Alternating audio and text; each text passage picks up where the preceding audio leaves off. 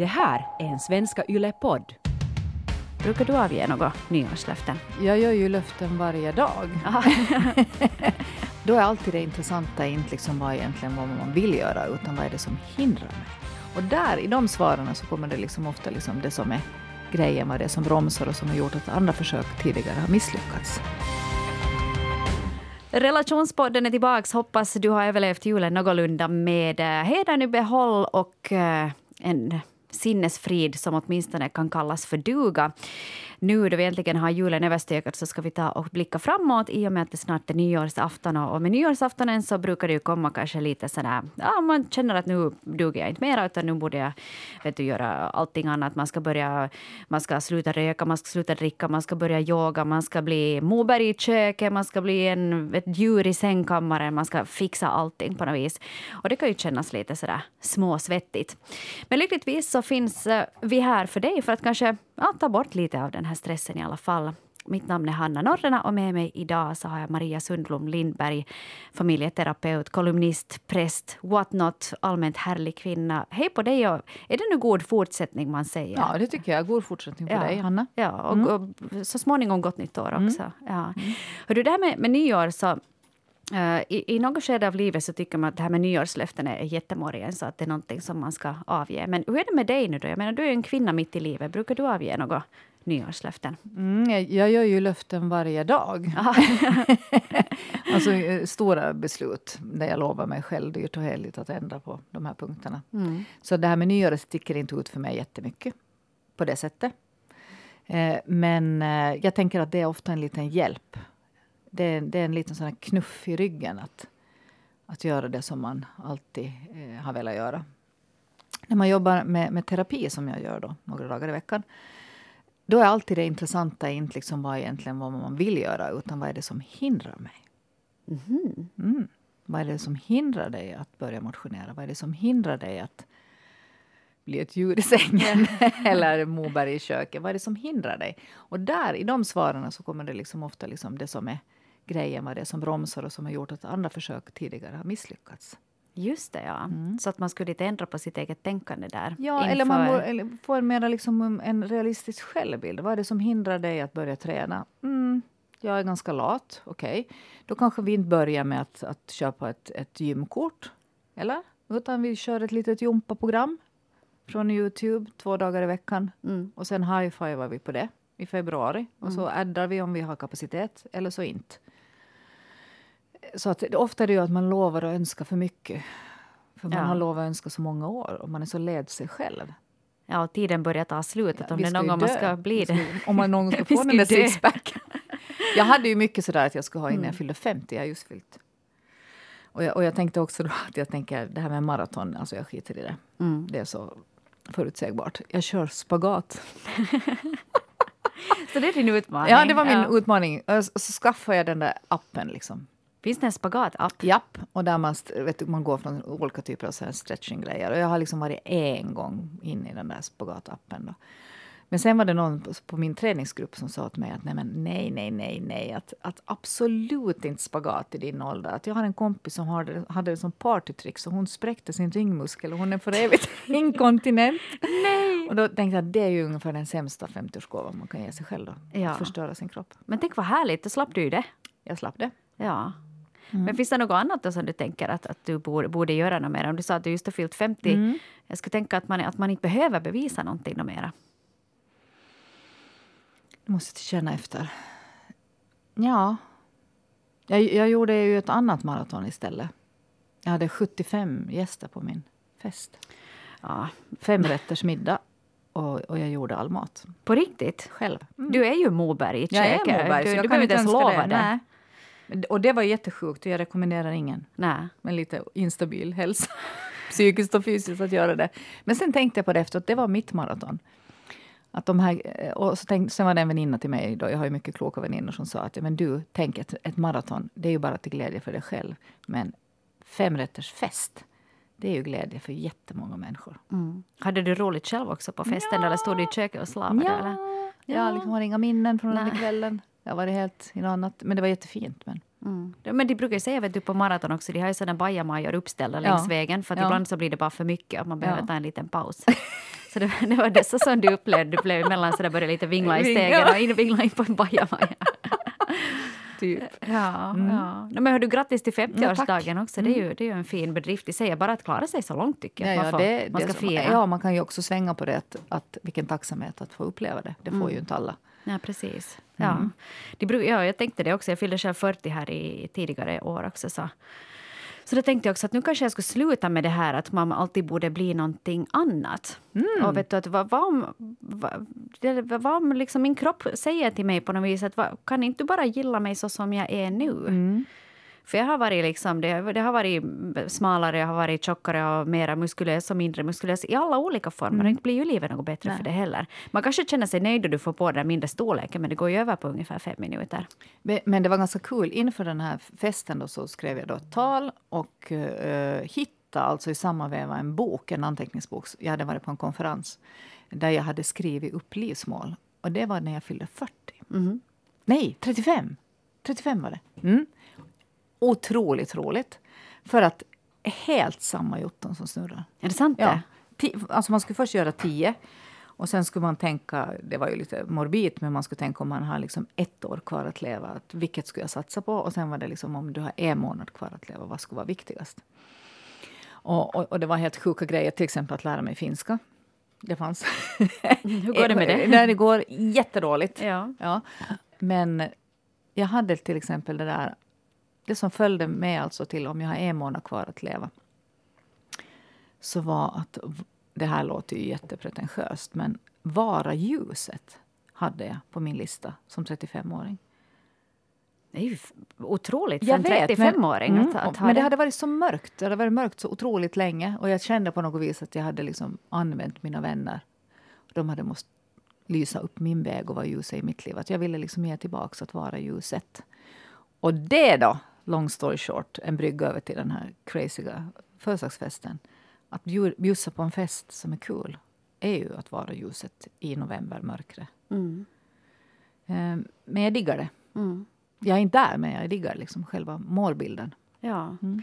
Och det, är kanske, det kan man ju göra nu och då. Man behöver mm. inte gå omkring och vet du, vara ljuset själv. Det kanske är Nej. svårt att vara det, men att mm. man väljer sina stunder i alla fall. Att där man kan kanske vet du, dra i den där egna glödlampan så det kommer upp en liten ding.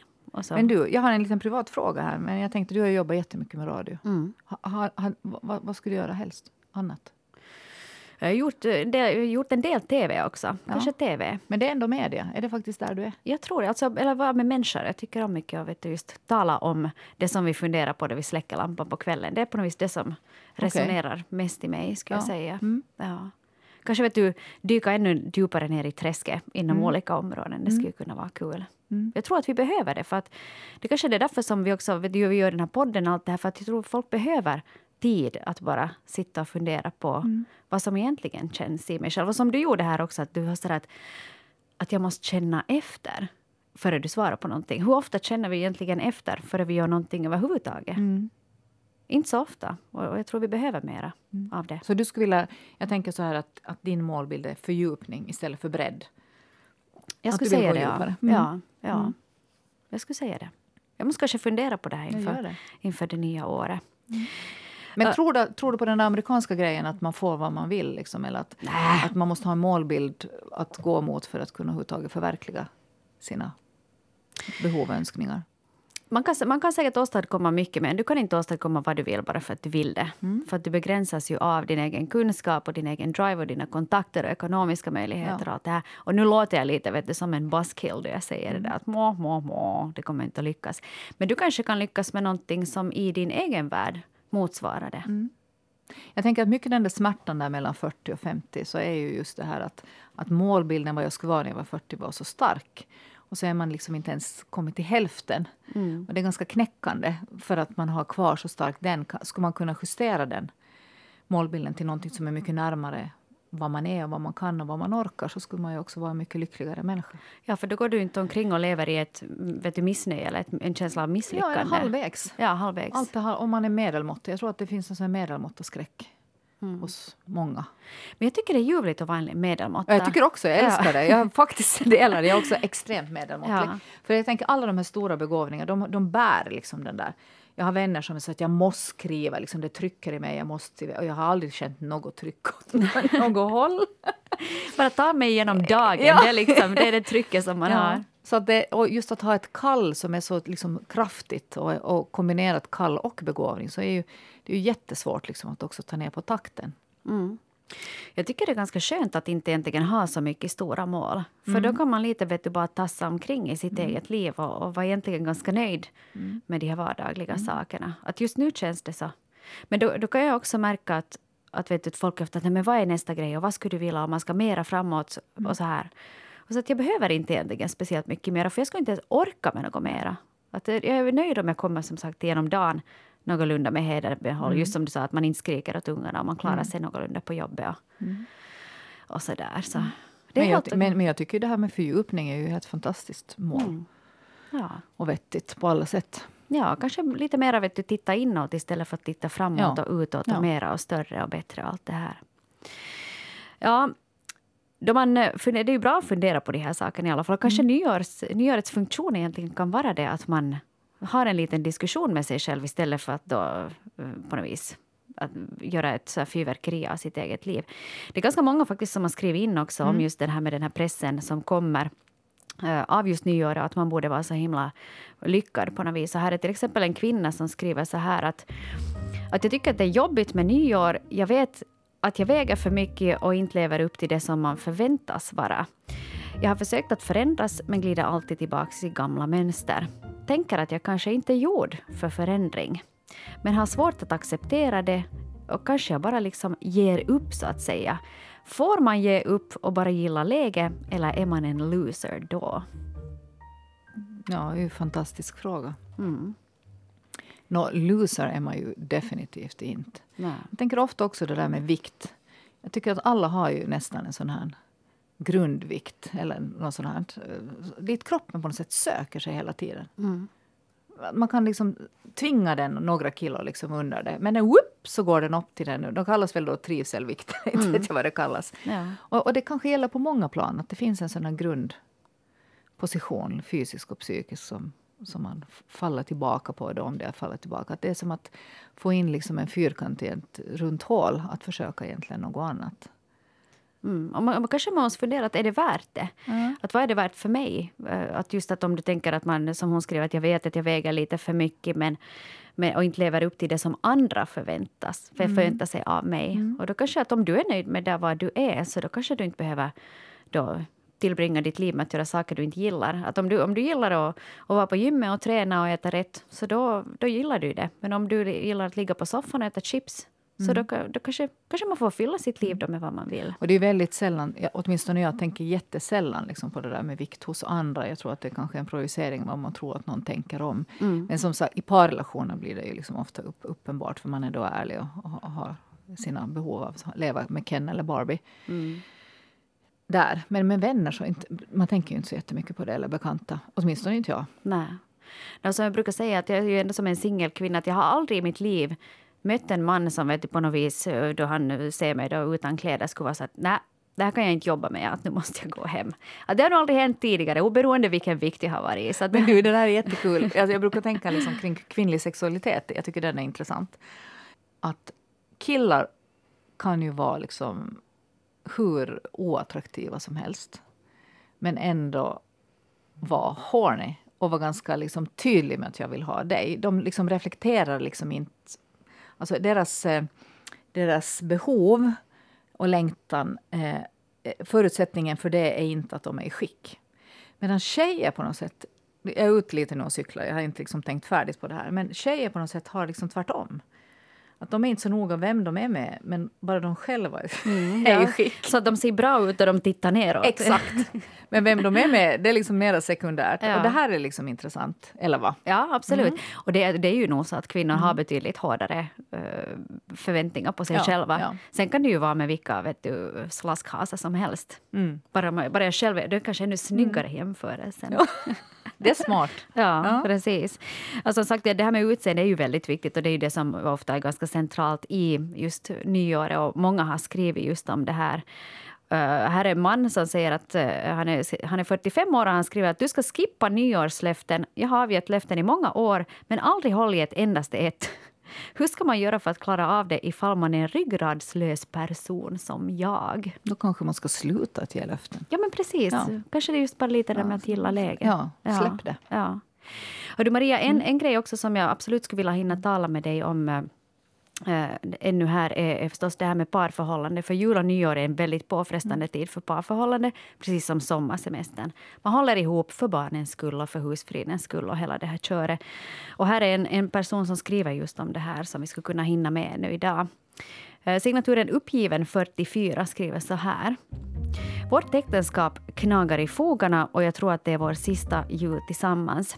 Tvekar dock då jag inte vill bryta upp barnens tillvaro men kan ju inte gå omkring och låtsas resten av livet heller. Vet inte riktigt vad vi kan göra för att styra upp vår relation heller. Känns som att vi bara talar förbi varann då vi ens talar. Allt gammalt groll påverkar varenda diskussion och det blir bara en maktkamp om vem som har rätt och fel. Men om vi ponerar att vi skulle göra en sista kraftansträngning, var ska vi börja? Lätt. Skip skippa bråken. Pick your battles. För det här är, det här är en rundgång. Alltså den som eh, irriterar sig och säger så upplever den andra ofta sig anklagad och skjuter tillbaka med mycket mer ammunition och så pågår det så här. Det kommer liksom ingenting gott från fula, svidiga, irriterande kommentarer. Aldrig. Mm. Det händer inte. Men å andra sidan så kanske man inte heller ska stå ut med vad som helst. Jag om ingen någonsin tar bort tallriken från bordet eller ingen någonsin hänger en tvätt eller ingen någonsin fyller på bilen när den kör. Och så här. Eh, så att pick your battles. Att välj ut av allt det här vad du inte absolut klarar av och så skippa resten. För att den där återanknytningen och förlåtelsen och försoningen den behöver en, en bråkfri tid. Annars får man aldrig hudkontakt på nytt om, om man bråkar, liksom, det det är ganska intressant, jag brukar ha mina klienter att göra ett sånt här schema. Alltså hur många bråk hinner man med före man får på morgonen. Eh, på dagen är det ju ganska lite bråk för man har ju inte kontakt med varandra. Och sen på kvällen mellan fem och nio, hur mycket liksom irritation och, och fula kommentarer eller anklagande blickar finns i luften. Och det är ganska många. Och då säger jag att det är ingen idé att gå i terapi om ni inte själva tar bort 50 procent. 50 procent till nästa gång. Och det, och det måste hålla, annars är det inga, har vi inget att jobba med för då är det bara konflikt. Så det, mm. det är mitt uh, julråd. Ja. Att svälja lite skit, det är liksom inte så farligt. Mm. Och istället då liksom satsa på det där, där de verkliga problemen finns. Mm. Och jag tänker om, om man tar det till nästa nivå. Ja. så att eh, om, om du sväljer, liksom, om, om det finns tio bråk på en dag och fem sväljer du med så har du alltså fem bråk kvar. Men då ska du adda med fem trevliga grejer. Typ en puss, en kram, en vänlig kommentar. Tack, det är kanon. Förlåt för att istället för att jo, jo, men det var du som sa den här tiden, nej det var inte jag. Det kan vara jag, förlåt, jag missförstod. Och då kan det bli liksom riktigt bra. Mm. Jag tror inte vi kommer till ett så kliniskt liv. Man går inte från att ha varit ett bråkigt par till ett liksom något sen. Sådär över en jul och ett nyår. Men, men ett good enough. Och när du har fått den där återanknytningen och närheten och kontakten så blir du mjukare och gladare och roligare och snällare och så bråkar du också mindre. Mm. Så här enkelt är det. Mm. Mm. Jag tänker på en, på en sak som eh, vi Maria talade om före, före det här också. Så sa du att, att inför det nya året, att som par, att det skulle vara viktigt att tänka på att vad, vad vi kanske vill tillsammans. Mm. Att man ofta vet du, så att jag vill det här och jag vill förverkliga mig själv här och sen ens partner vill någonting helt annat. Att man, att man kanske liksom tappar bort varandra där i, i hela den här nyårsyrseln. Mm. Det är ju egentligen ganska coolt att tänka att man ska göra en nyårslöften som par. Och det är troligtvis mycket lättare att hålla för det är alltid någon som pushar att om det bara är upp till min egen karaktär så struntar man i att springa två kilometer varje torsdag. Men, men om det är båda som har det som grej, att ska vi ha det här som, så, så kan man hjälpa varandra. Ja, och, och jag tror också att det, det är ju också, alltså, det är helt pinsamt hur lätt det är att få tillbaka. De flesta människor är ju ganska motiverade att vara med varandra. Men har blivit så sura och bittra och trötta på vägen att man inte orkar ta itu. Men att ha som ett, ett, ett, en en grej för, för parrelationer. Jag har, jag har vänner som alltid har spelat tennis på torsdagar i 20 års tid. Och sen så, så går de och käkar efteråt. Och jag har alltid haft dem som en sån målbild för mig. Att den där torsdagen, att, att de inte prutar. Alltså man sätter in sin eget program och man har barnmakt delad, man hjälps åt med det. Men man har den där sporten. Jag tror liksom det är, liksom, det är så win-win-win som det bara kan bli. Mm. Och då står man ut under veckan för man vet att på torsdag så spelar mm. vi tennis och snackar. Ja, och sen är det där spelet ju bra också för du får ut lite aggressioner, du får bra ja. endorfiner och ja. sen att du går och äter efter det för då har man ju en, en ganska mm. liksom, bra känsla i ja. kroppen och, och, i själen också. Så att då är det ett bra ställe att, mm. att connecta på. Ja, och jag hade, jag hade ett par här där båda var ganska sådär ar arbetsnarkomaner och så sa jag att jag skulle vilja att vi skulle göra ett experiment, att ni skulle sätta lika mycket tid på ert jobb som ni sätter på ert parförhållande. Och de insåg liksom att det, det var under fem minuter per dag som mm. de sa på sin parrelation. Försök sköta ditt jobb med bravur. Med fem minuter får du se hur det går. Mm. Det är nog sparken ganska snabbt där, kan jag eh, tänka mig. Jättesnabbt skulle jag tänka mig. Mm. du hinner inte sluta veckan heller innan cheferna säger tack och hej, det räcker, vi tar nästa här i kön. Mm. Och det kan ju bli så i Så man ska inte vara så där jätteförvånad, så här, oj oj varför har vi det så dåligt, om man absolut, alltså gör ingenting. Ja. Alltså man tillbringar zero tid tillsammans. Ja, precis. Mm. Vi ska hoppas, det skulle inte vara härligt liksom, om vi kan inleda året 2019 med mera på något vis förståelse och snällhet. Och, Så är det. Och för, ja. och om jag skulle ge ett råd till, mm. och det här är till mig själv. Alltså, pick your battles, verkligen. Och sen allting som har med skärm att göra. För det går faktiskt från parrelationstiden. Det där eviga Netflix-tittande, telefonanvändning att sätt liksom, om du sätter hälften av den tiden på din partner så kommer du vara in heaven. Alltså jag lo lovar garanterat.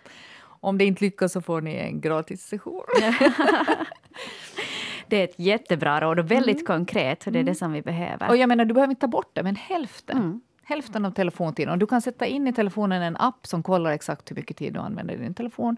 Hur många gånger går du in på telefonen eller på Facebook eller hur mycket ser du på Netflix. Och så kan du helt enkelt bara räkna ut. Alltså, det, nu var jag tre timmar idag och mm. då ska hon få en och en halv timme eller han. Man hinner mycket kul på en och en halv timme. Massor. Mm. Mm. Härligt! Mm. Du är kärleksdoktorn idag. Ja, Dr. Phil. ja. ja. Stort tack till dig, Maria mm. Sundblom Lindberg, för det här och ha ett riktigt fantastiskt 2019. Eh, Detsamma. Relationspodden återkommer igen nästa år. Då är också Eva Frans tillbaka och eh, då så ska vi ta och eh, ta tag i nya grejer. Tills dess som sagt ett riktigt gott nytt år till alla.